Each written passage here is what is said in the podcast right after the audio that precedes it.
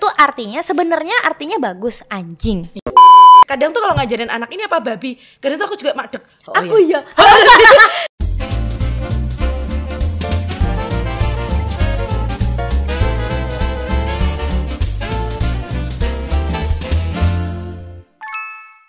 Beb Widya, Hai. jadi kemarin tuh eh, aku terkejut Ya, karena tetangga aku which is anaknya sekitar mungkin kelas 2 SD jadi 7-8 tahunan gitu. Tiba-tiba terdengar olehku lewat di depan rumahku terus bilang kata-kata kasar. apa tuh? Ya ada lah. Ada lah, oke. Sebuah kata kasar ngatain temennya. anti, Mm-mm. gitu ya. Itu ngomong eh, ke temennya. Terus akhirnya jadi saut-sautan Iya, gitu. iya. Dan eh, itu kan menurut aku lingkungan ini kok begini gitu. Lingkungan itu menjadi lingkungan yang tidak baik sepertinya untuk adik-adiknya Iya. gitu kan. Karena kata-kata eh, yang kasar itu kan tidak sepantasnya diucapkan sama siapa pun ya. Bahkan eh, orang dewasa sekalipun sebaiknya memang nggak usah bilang kata-kata kasar. Sebaiknya dihindari ya, kayak Mm. gitu karena memang anak an- namanya anak itu pasti mencontoh apa yang kita lakukan, bener nggak? Betul. Dan apalagi sekarang ada banyak ya sosial media, gampang banget kita akses YouTube segala macam. Kayak anak tuh ngomong uh, kata kotor itu kayak udah biasa gitu loh. Iya, karena Iya nggak sih? karena it- eh, anak itu kan pasti meniru ya. Iya. Dia mau mau mau tahu dari mana kalau misalnya Iya. nggak tahu dari YouTube, dari lingkungannya, dari teman-temannya gitu. Jadi eh, apa ya menurut kamu itu sesuatu yang tidak baik kan pasti. Pasti. Anak ngomong kasar itu kan pasti tidak baik. Iya, jadi kayak uh, menurut aku gini loh, faktor lingkungan itu memang berpengaruh banget dalam uh, berbagai aspek ya. Jadi kayak umpamanya kita memilih uh, lingkungan perumahan yang baik, memilih uh, sekolah yang baik, itu aja kita pilihin baik, kadang aja juga masih Betul. kecolongan kan. Jadi memang harus sepandai-pandainya kita sebagai orang tua.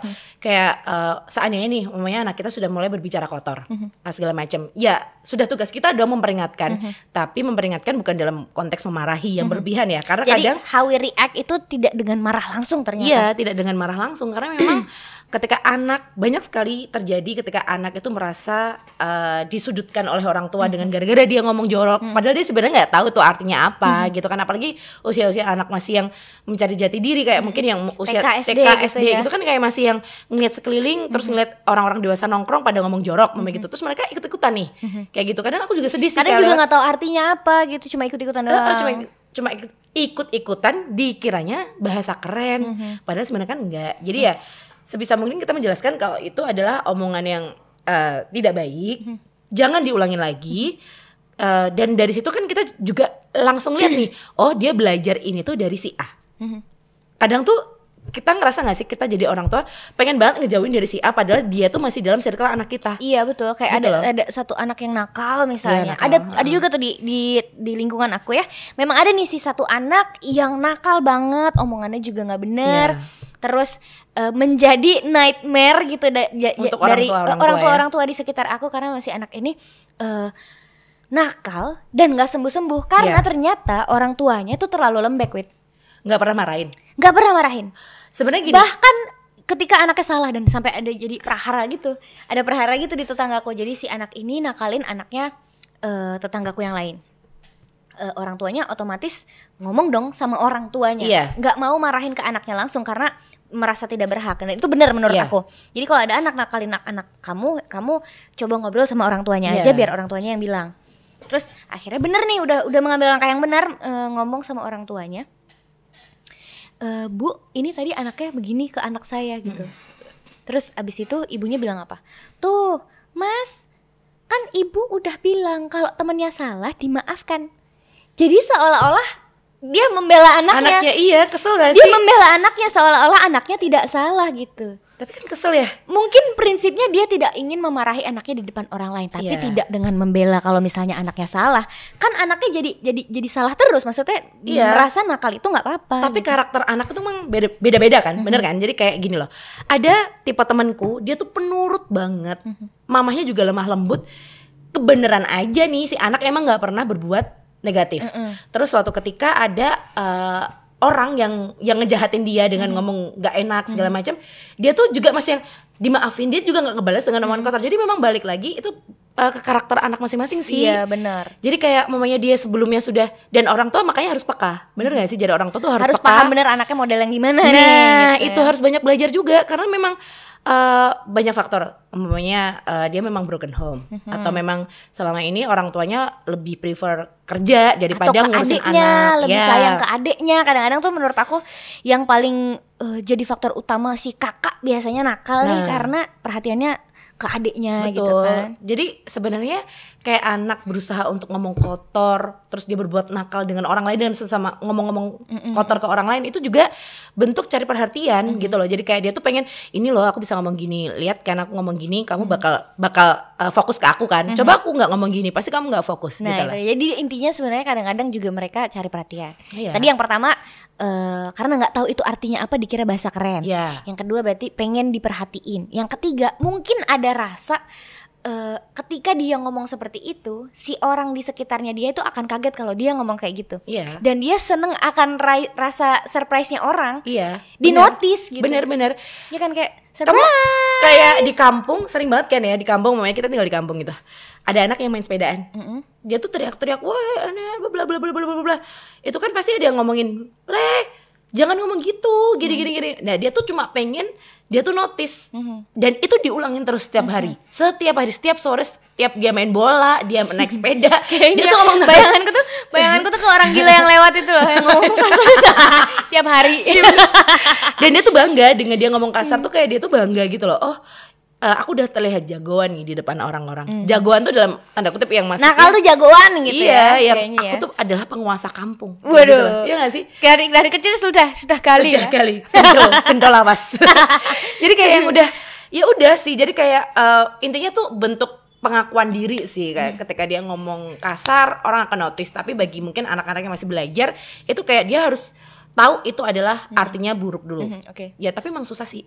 Memang harus dikomunikasikan. memang- Jadi- iya, komunikasi. Eh, a- kalau eh, sebelum mengobati ya Iya. mencegah dulu nih gimana caranya biar di rumah eh, anak itu eh, membentuk si anak ini supaya tidak ngomong kasar Sebisa mungkin kita sebagai orang tua jangan sampai ngomong kasar Itu di dia. depan anak. Mm-mm. Kita kalau ketemu teman ngomong kasar nggak? Eh, aku kadang masih ada sih. aku juga ngomong- sih kadang-kadang sih Kayak kita di lagi- luar di luar Iya, kita ngomongin orang kayak gitu ya. Kan suka ya julid-julid gitu. Terus ih iya antit an," kayak gitu. Tapi kan aku harus bisa mengerem itu ketika ketika di rumah. ada anak gitu Ada kan. anak karena apalagi anak kita udah dua tahun ya. Mm-mm. Dua tahun itu saatnya mereka belajar ngomong. meniru meniru, meniru memahami kan. orang. Jadi aku tuh sempat kaget loh, kayak gaya eh, ya kayak aku bilang kayak mami aku panggil gaya, opo. Dia jawabnya pakai bahasa Jawa yang menurut aku tuh kasar gitu loh. Iya. Aku nggak pernah ngajarin itu. Mungkin itu dilakukan oleh orang lain yang eh eh, apa anak-anak lain gitu. Iya. Mungkin dipanggil opo gitu mungkin ya. Tapi kan ketika itu terjadi di dalam rumah tanggaku di dalam ketika aku mendidik gaya itu kayak aku ngerasa kenapa aku tidak menjadi jadi orang tua yang gagal baik ya kayak harusnya gagal. ketika anak itu kalau orang Jawa kan manggil dipanggil jawabnya dalam, gitu ya gitu. kalau opo tuh kayaknya Iya. apa apa apa Kayaknya mi gitu ya. iya apa gitu dan dia tuh kayak yang tapi kan begitu kita kasih tahu gaya eh, kalau dipanggil mami jangan bilang opo ya Hmm. bilang "Eh, apa mi atau dalam dalam dalam gitu. Dia dia, dia niru. Niru dalam jadi dan itu ternyata harus aku praktekkan juga ketika aku dipanggil oleh ya, orang itu tuaku. dia. jadi kita jadi contohnya dia nih ya. Ya jadi eh, ketika aku dipanggil wit ya gitu. Aku biasanya kan pakai bahasa Indonesia Hmm. gitu. Wit ya kayak juga ikutan apa yang aku lakukan. Makanya kan ketika di rumah sebisa mungkin kita menghindari eh, omongan kotor Hmm. entah itu dengan suami dengan temen dengan siapa pun itu jangan sampai di depan anak sih itu Hmm. poin utamanya Ya betul sih sekarang eh, kalau dipikir-pikir kita manggil ngebahasain anak di rumah suami manggil aku ibu, aku Iya. manggil suami bapak itu kan karena biar anak juga manggilnya gitu. Karena ada loh anak yang manggil suami, eh, si bapaknya sayang gara-gara orang tuanya saling memanggil manggil sayang, sayang, gitu. Iya kan itu terjadi, itu terjadi di eh, rumahnya kakakku. Kakakku sendiri. Itu eh, anak yang terakhir itu manggil bapaknya ayang. Gara-gara niru gitu. Coba bayangin. Sayang. Kayak pacarnya ya? iya makanya. Coba bayangin kalau misalnya itu eh, ngomongnya omongan kasar. Iya. Kan kayak nempel banget kayaknya. Segala sesuatu yang kita lakukan tuh kayak nempel banget. Tapi kesel gak sih ada saudara yang tipe eh mamanya nih si anak nih kayak lucu gitu ngomong gitu. Mamanya gini. Eh, dia manggil salah satu om omnya Om Adi mamanya gitu ya. Om Adi itu bukan dengan Om tapi dengan Adi. Langsung. Adi. Saudara-saudara ketawa nih. Merasa itu lucu. Ah, Tapi kan itu bisa permulaan dari omongan kasar dong. Eh, kita otomatis tidak menghormati yang lebih tua Iya. gitu loh. Terus tapi kayak gitu kan nggak bisa kita cegah karena itu saudara kita. Yang bisa kita lakukan apa ya? Kita ngomong sendiri ke anak. Jangan ngom- manggil nama ya, manggilnya om ya karena ini omnya omnya gaya. Jadi jangan dipanggil nama. Terus eh mamanya aku udah ngasih tahu gitu, kadang tuh suka kesel dengan ada saudara, udah nggak apa-apa manggil Adi aja, kan kesel ya. Nggak bisa, Maksud aku, iya. kita tuh harus menyamakan visi misi kalau anak tuh harus berbuat sopan dengan orang lain apalagi gitu loh. kayak masih di usianya gaya gitu Nah, kan. kayak masih banyak belajar. Kadang tuh suka kesel nih itu loh. Kita sudah uh, pengennya A, tapi saudara-saudara kita sampai A, B, C, D, F, G semua dilakuin gitu. Jadi kayak yang dipikir lucu. Iya lucu. Kalau untuk usia segitu bayangin kalau umur 12 tahun manggil dia Adi. Nah. Kan kesel pengen nonjok kan. nyebelin nyebelin jadinya iya. Terus ada lagi yang eh, biasanya nih terjadi di anak-anak yang sudah bisa diajak ngobrol, yang udah bisa ngobrol jelas, mungkin sekitar 4 tahun, 5 tahun, 7 tahun, 8 tahun sampai seterusnya sekitar itu ya. Iya. Itu tuh kadang-kadang udah mulai nanya, Iya. "Ibu, ini artinya apa sih?" Ini apa? Ini Kata-kata kasar. apa? Iya. Nah, eh, bagaimana sih sebaiknya kita orang tua eh, menghadapi situasi itu? Kalau misalnya anak udah mulai eh, meskipun dia nggak ngomong ya ngomong kasar misalnya ngomong sama temennya gitu kan udah pasti kita ingetin. Cuma kadang-kadang mungkin ada yang nanya eh, ini artinya apa? Nah bagaimana kita menjelaskan? Misalnya kata-kata yang sekarang lagi dilarang tuh. Andit. ya itu. Kata-kata yang lagi dilarang itu kita menjelaskan ke anak tuh gimana ya kira-kira? Kan susah. Jadi gini itu artinya adalah hewan. adalah eh, itu artinya sebenarnya artinya bagus anjing Iya. tapi dipakai untuk sesuatu yang tidak tepat gitu. Tapi susah sih, anak gak bisa memahami Iya dengan loh, hal itu kenapa? sih. Kenapa kita nggak boleh bilang anjing bu? Iya, kan Kan anjing tuh hewan. sebenarnya anjing itu hewan, anjing itu anjing itu kan lucu, Iya. gitu. Kenapa kita nggak boleh bilang itu? Boleh bilang itu, tapi purpose-nya apa gitu kan? Iya. Boleh bilang itu, tapi tidak untuk menyebut teman kamu itu gitu. Ya susah, Susah. susah, susah. Cuma ya memang harus selalu harus selalu dikomunikasikan, diulang-ulang diulang-ulang terus. Jadi kayak eh, anak tuh kan nge-record terus nge-record terus apa yang kita lakukan? Ya kayak ngomong eh, anjing, babi. Ya nggak sih? Babi Iya. itu kadang kan kayak jatuhnya kayak kata kotor yang ada di lingkungan kita gitu. jadi kayak tabu gitu ya. Tabu. Jadi kita kadang tuh kalau ngajarin anak ini apa babi, kadang tuh aku juga madek. Oh, aku iya. ya. sama banget. Iya sih. Itu apa? Itu apa? Aku tuh lebih lebih cenderung nyebut itu tuh pig. Iya, ya, kayak Karena- lebih lembut ya. Karena saking itu tabunya dari zaman aku kecil kayak aku tidak pernah menyebut babi deh. Babi, gitu. ya. Akhirnya aku ngajarin aku itu pig nih. Heeh. Jadinya bahasa Inggris. Jadi diganti. Safe place. Iya benar. Safe place. Hmm. Ya itu yang harus kita lakukan sih kayak yang eh, karena anak tuh masih belum paham itu kata kotor tuh Iya, apa. iya, itu dia. Mereka akan paham ketika nanti di usia sudah mungkin masuk SD kali Hmm, ya gitu kata kotor. Tapi kadang ada anak kecil yang mungkin merasa memang bener-bener kesel dan bener-bener eh, sebel sama sesuatu akhirnya dia berkata kotor. Hmm. Mungkin dia nggak bisa meluapkan dengan mukul, nonjok segala macam. Akhirnya dia mengganti itu dengan kata kotor gitu loh. Dan itu yang menjadi PR kita dari sekarang. Hmm. Iya, betul. Bagaimana cara meluapkan emosi anak, bagaimana cara berkomunikasi dengan anak yang benar dan juga eh, kita harus memantau siapa lingkungan anak kita. Jadi kalau kelihatan nih satu anak nih kelihatan eh, si anak nih kayak nakal atau eh, dia ini memang termasuk tipe yang meng, me- meng- mengkomandoi anak-anak lain untuk Ada ya, ada Eh, ada ya, gitu yang- real real. yang kayak eh, apa ya kamu kalau nggak ngikutin aku ngomongan gini kamu nggak jadi teman aku loh kayak gitu Ada, loh ada, iya ada. kan kan kita nggak bisa sewaktu Gak, gak jadi temennya dia jadinya gak keren gitu iya kan ya. nggak bisa ada gitu. sewaktu-waktu kita selalu bersama dengan anak kan ya makanya harus kita tekankan ketika kamu berbuat ini itu imbasnya akan seperti ini jadi faktor sebab akibat harus kita jelaskan bareng dengan anak gitu Iya betul. Dulu yang aku mengalami sendiri adalah mungkin ini eh, kata-kata kasar mungkin aku nggak tahu ini ini anak cowok tuh kayaknya cenderung lebih sering ngomong gak sih daripada anak cewek. Iya, Karena iya, dulu benar. aku sendiri waktu aku kecil, teman-teman waktu itu di kelas aku itu mungkin aku sekitar kelas 3 kelas 4 SD ya. Teman-temanku di kelas itu sering menyebut satu kata yang itu sebenarnya saru banget. iya Itu saru tapi banget. ngikutin kan Artinya adalah hubungan badan. iya Dan itu disebut sama eh, teman-teman di kelas aku yang cowok-cowok. Itu untuk eh, mereka tuh cuma kayak apa ya? Kayak for fun aja. Iya. Merasa bisa kan? menyebut itu selain di rumah gitu kan. Terus abis itu aku tidak tahu artinya sama sekali. Aku tanya sama orang tuaku, "Mah, itu artinya apa?" Gitu. "Kamu dengar dari mana?" gitu. Terus teman-teman di di sekolah bilang kayak gitu loh akhirnya yang dilakukan sama orang tua aku adalah itu tidak boleh dibilang sama siapa pun itu untuk orang dewasa kalau anak kecil belum boleh nanti kalau sudah dewasa mama kasih tahu iya iya iya Itu. benar karena kita nggak belum bisa memahami ya kita belum bisa memahami apa itu segala macam jadi orang tua artinya juga dan peran orang tua juga penting banget, Penting banget. bagaimana orang tua menjelaskan Iya. sehingga kita bisa menerima dan mengiyakan setuju betul. sama apa yang orang tua bilang itu kan kadang-kadang yang suka jadi salah kalau anak dimarahin nih begitu anak ngomong kotor blar gitu langsung Terus dimarahin ya langsung langsung dimarahin. di gebukin kayak gitu kan ada kan ya Udah siapa yang ngajarin kayak gitu? jadi tampar Iya pernah kan? gak sih lihat jadi Iya, kayak makanya. pernah sih tetanggaku ngomong kotor bapak ibunya kan emang aku berada di lingkup eh, kepolisian kayak gitu ya. Mungkin karena memang basicnya orangnya pada disiplin semua segala macam refleks bapaknya mungkin memang nampar gitu loh refleks bapaknya. Dan itu aku ngeliat si anak nih malu banget ketika ditampar di depan di depan teman-temannya.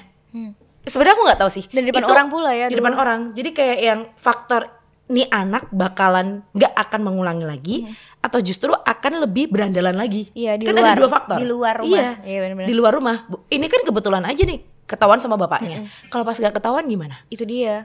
takutnya gitu loh Itu dia. jadi kayak yang makanya ketika kita apa pun yang kita perbuat itu pasti akan ditiru oleh anak Betul. jadi eh, menjadi poin utama dalam rumah tangga itu ya poin utamanya ya kita harus kompak untuk bisa eh, memberikan pengetahuan kepada anak kita gitu iya loh. benar. Dan itu juga, juga harus eh, selaras sama support system juga sih. Maksudnya mis- misalnya di rumah tidak hanya ada bapak dan ibu, tapi ada eyangnya, Iya, ada si- iya. ada omnya, ada tantenya segala macam. Kita tuh kayak semuanya harus eh, sepakat kalau misalnya si anak ini ngomong sesuatu yang kasar, jangan diketawain Iya. karena itu nggak lucu. Iya benar. Sekiut-kiutnya anakmu ngomong hal yang eh, tidak pantas iya. gitu ya, itu nggak lucu. Iya nggak lucu. Tapi Dan dia harus tahu itu. Gitu. bagi beberapa mungkin ada ya mungkin yang eh, mereka-mereka ini yang tinggal di pinggiran kayak gitu segala macam yang mungkin memang belum masih buta dengan hal-hal kayak gitu tuh masih dianggap fine gitu loh dis. Jadi kayak yang kadang tuh kayak kesel ngedengerin anak-anak namanya gini ya. Jadi kan rumahku tuh perum- eh, banyak banget perumahannya nih. Terus ada nih dari anak kampung mana tuh main namanya gitu ya. Sebenarnya yang lebih brutal kayak lebih brutal iya. Kayaknya dia datang tuh udah kayak paling jagoan banget tuh yang tadi aku bilang kayak yang aku tuh adalah pemegang kampung ini yang megang gitu. Kali. kali kendo terus eh, akhirnya anak jadi kan aku suka mengamati sore-sore kalau pada main futsal gitu kan ya. Aku ngeliatin ini seandainya kalau nggak ada si ini anak ini tuh nggak bakal ada omongan jorok-jorok nih. Kadang ngebayangin gak sih anakku kan cewek Eh, apalagi depan rumah sering pakai futsal segala macem. Mereka kan pasti anakku secara nggak langsung akan dengerin itu walaupun tidak dilakukan ke anakku gitu loh. Jadi kayak lingkungan itu mau berpengaruh banget makanya kan kayak aku bilang eh, sebenarnya susah ya anak dilarang nggak main salah terlalu dilepas salah jadi memang serba salah jadi orang tua gitu loh. Jadi maunya gimana? Ya kita gimana caranya untuk bisa handle nih anak? Kita yang paling tahu siapa anak kita. Kalau kita tahu anak kita sudah kelewat batas kasih tahu gitu loh. Jangan sampai kita dia udah kelewatan ya kayak eh, si anak udah ngomong jorok kayak gitu terus diiyain kayak yang tadi kamu bilang. Menurutku tuh tetap gak gak make sense sih. Jadi kayak yang ketika Iya. gede pasti dia akan Memang merasa mungkin- apa pun yang dilakukan itu selalu benar itu gitu loh. dia. Jadi mungkin prinsipnya adalah dia tidak mau memarahi anaknya di depan orang lain. Ya. Oke. Nggak mau bikin Tapi anak tidak terjatuh. Juga, tapi tidak juga membela di depan orang lain Ya. meskipun ya nanti orang lainnya udah pergi terus akhirnya eh, dikasih tahu kesalahannya juga tapi tidak seperti itu cara mainnya menurut aku. Iya. Jadi memang benar cara kita menyampaikan apa yang seharusnya itu memang harus dengan hati-hati, dengan baik-baik, tapi juga si anak harus tahu kalau itu salah gitu Iya. kan. Jadi bukan malah jadi ngebelain gitu. Nah, nih ada mengatasi anak berkata kasar atau kotor menurut Asian parenting. jadi intinya sih Yang pertama ini- harus emang anak ini harus memang diawasi waktu Iya. bermain apalagi di usia-usia tertentu ya. Sebelum masuk ke usia kalau mereka punya privacy. Iya. Gitu. Terus ketika kita dengar anak kita eh, ngomong kotor, jangan langsung marah sih. Jadi Nah. kayak kalau terlanjur, jadi kalau udah terlanjur ngomong, kita diem dulu.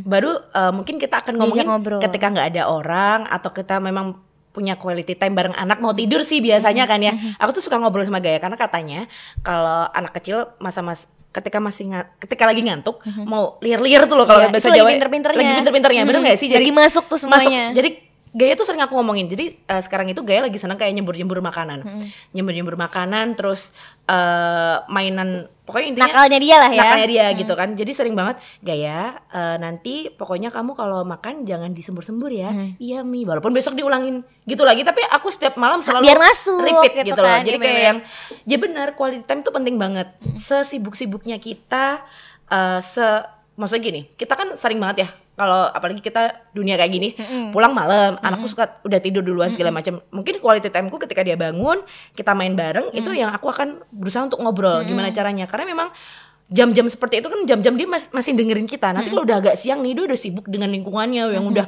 ke sana ke sini ngomongin eh, sekolah lah segala macam. Jadi memang harus benar-benar menciptakan quality time bareng sama anak. Ya, Itu betul. penting.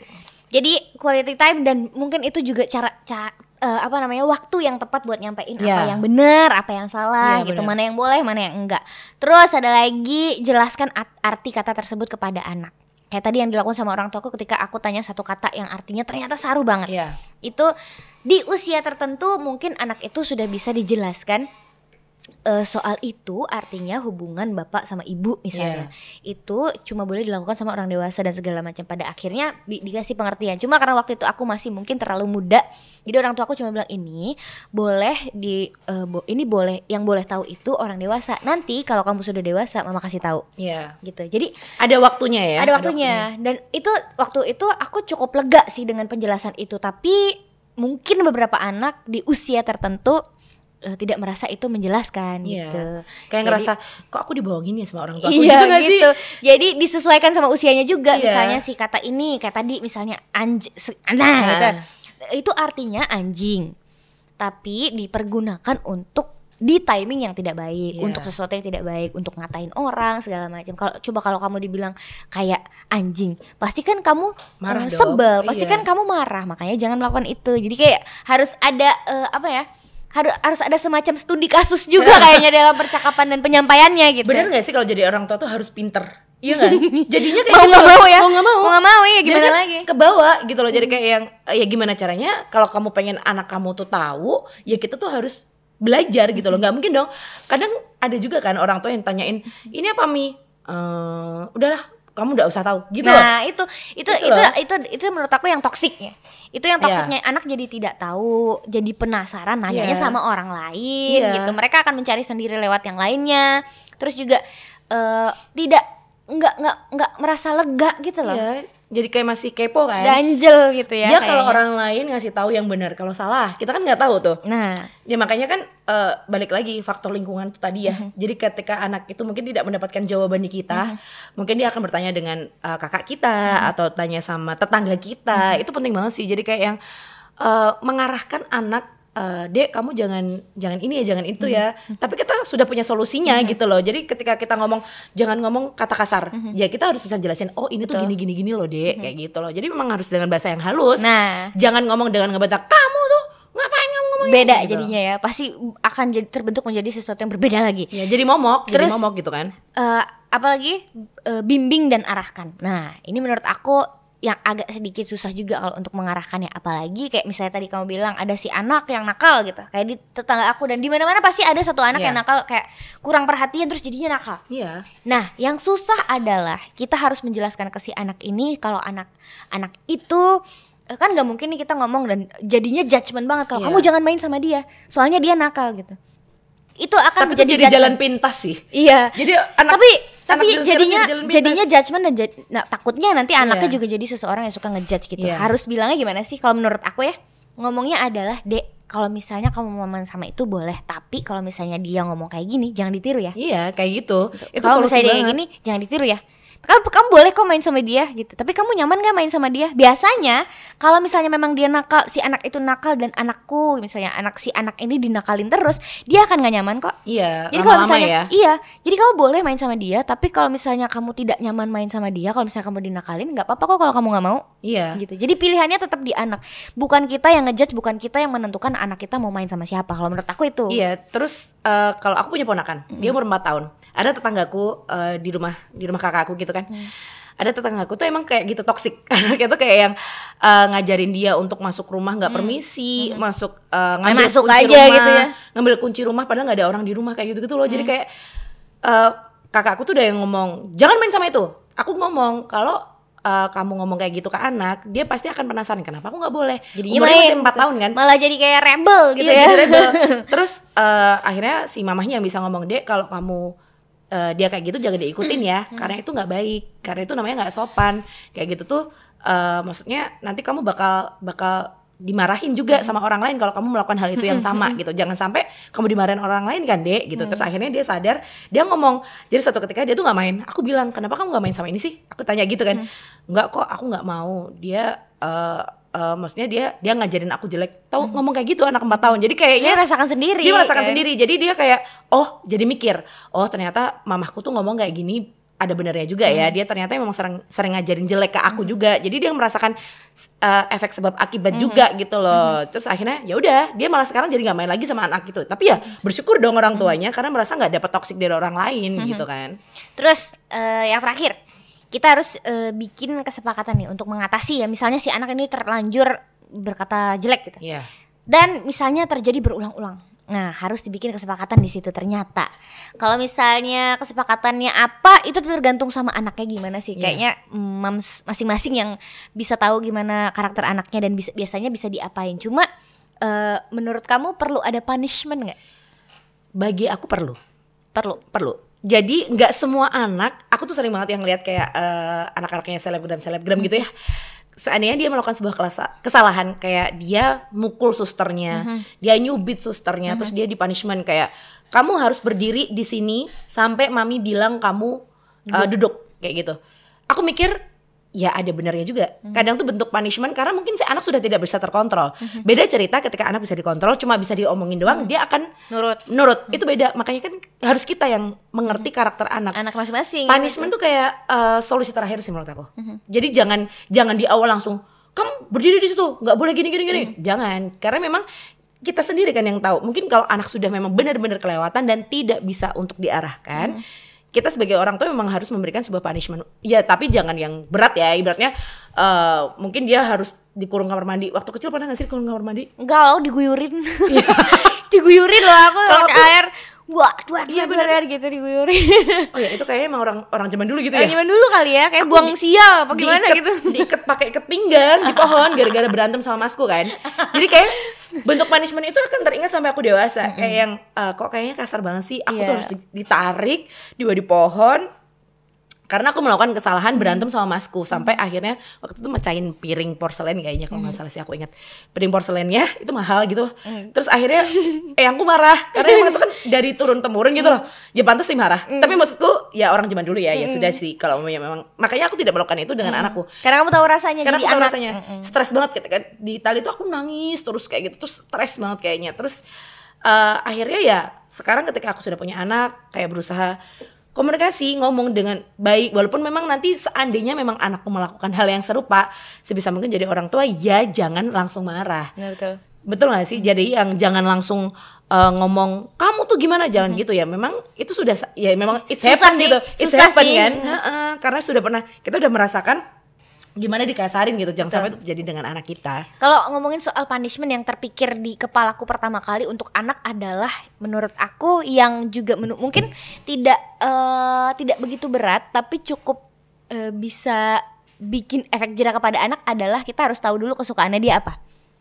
Misalnya sudah ada kesepakatan di dalam rumah eh, misalnya kamu boleh nonton TV satu jam dari jam segini sampai jam segini. Kalau misalnya dia melakukan kesalahan nanti hari ini tidak ada TV untuk kamu misalnya. Kayak gitu-gitu loh. Kesukaannya yang kesukaannya ini dia ya. apa? Kesukaannya dia apa? Apa yang dia suka lakukan? Misalnya main game. Kamu boleh main game tapi misalnya kesepakatan di rumah itu main game dua jam. Terus eh, kalau misalnya kamu melakukan kesalahan kamu tidak kalau misalnya kamu ngomong kasar tidak ada game. Satu minggu misalnya. Iya itu sih. Jadi eh, bukan sesuatu yang mereka tidak inginkan l- tapi harus mereka lakukan.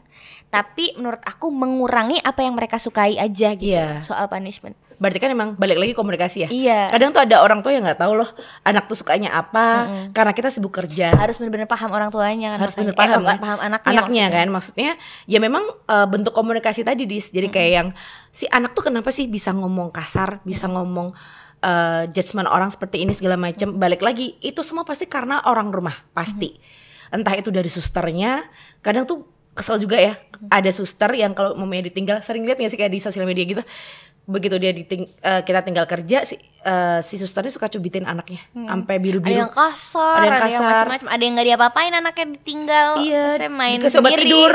Gitu-gitu kan. Kadang suka sedih ya kalau lihat kayak gitu. Makanya sebisa mungkin kita sebagai orang tua harus tahu bagaimana anak kita.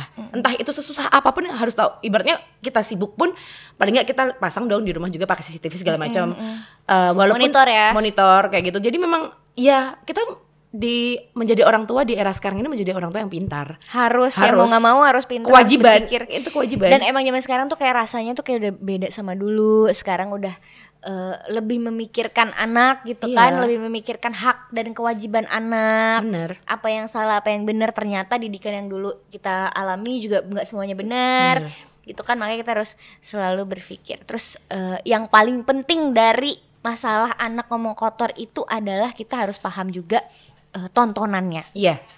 Itu karena sekarang banget kan. udah nggak udah nggak bisa dipungkirin lagi kalau YouTube Iya. dan eh, apa platform-platform lainnya untuk mereka nonton video tuh kayak udah jadi pusat informasi banget nggak sih buat anak-anak gitu kan Iya, apalagi gini, mungkin anak kita nggak nonton, tapi teman sekolah dia nonton, terus ada uh, saudara kita nonton, mau nggak mau kan, aku tuh sebenarnya membatasi untuk masalah handphone gadget, terutama ke si Gaya. Sebenarnya boleh kayak dia lihat TikTok kayak gitu, tapi dia tidak memegang handphone Iya. itu gitu loh, karena kan banyak hal yang harus disensor juga di Betul, situ betul. kayak kita tetap yang kontrol ya. lagu-lagu yang eh, Tidak ada pantas, kata-kata nggak ya. pantas kayak gitu kan. Terus eh, akhirnya dia paham ketika boleh kamu lihat TikTok tapi mami yang pegang. Kamu nggak boleh pegang. Ya mi. Dan itu juga berlaku. Dan akhirnya dia juga menurut dengan hal itu. Ketika orang lain saudaraku mamanya gitu kan anak-anak SD gitu kan lagi senang banget TikTok kan ya senang YouTubean segala macam. Dia tuh suka ngomong no no no no no no gitu. Jadi memang harus kitanya juga Iya. yang harus berperan Iya, gitu. betul. dan saudaranya juga aku kasih tahu "Eh, kak jangan ngasih adik handphone ya karena memang adik nggak nggak dikasih tahu. Tapi kalau mau liatin adik boleh tapi kakak yang pegang. Oh iya tante gitu. Jadi memang harus komunikasi kita sih. Yang kita yang sama sekitar juga kita masih tetap harus eh, punya apa ya semacam kesepakatan masing-masing Iya. juga ya. Kalaupun memang si anak sudah terlanjur eh, edik dengan gadget. gadget segala macam ya kita harus membatasi tontonan itu. Ibaratnya kan sekarang gampang banget kayak akses porno segala macam itu gampang banget. Ya gimana caranya? Sampai handphone sebelum itu usianya daripada jadi nonton gitu iya, ya? harus disetting. Ada kan? Ada beberapa handphone yang memang disetting Filter, untuk ada difilter filternya. untuk eh, apa explicit content konten kayak gitu segala macam yang memang konten-konten yang memang tidak harusnya dipertontonkan ke anak. Bukan kita membatasi anak kita untuk tidak eh, maju ya pikirannya tapi ya kita sebagai orang tua wajib was-was dengan hal itu gitu loh jadi memang ya balik lagi kita harus pintar di era sekarang ini untuk masalah dan yang paling eh, penting juga parenting. harus Nah. kenal sama anak sendiri Iya, itu Gitu. penting komunikasi kan. Mm-hmm. Iya kan, percuma dong kita tahu eh tahu apa ilmunya tahu aja. ilmunya Sering gak sih kita tahu ilmunya tapi kita nggak bisa mempraktekkan itu. Hmm. Sering banget sih. Jadi kayak aku tuh kalau sama Gaya, namanya Gaya ini sudah mulai eh, tadi ya mengenal sekeliling, mengenal tetangga. Tetanggaku tuh kalau main di rumah kadang suka bikin berantakan kayak gitu-gitu. kadang tuh suka mikir apa Gaya juga melakukan hal itu juga ya kalau di rumah tetangga apa dia juga berantakin ya. Dan dia kan masih cenderung pelit ya. Gaya kayak nggak mau ngasih emang ada usianya memang ada usianya kan anak-anak mempertahankan, mempertahankan apa yang punya dia Ya, terus akhirnya aku bilang, "Eh, Gaya jangan gitu ya sama sama orang lain segala macam.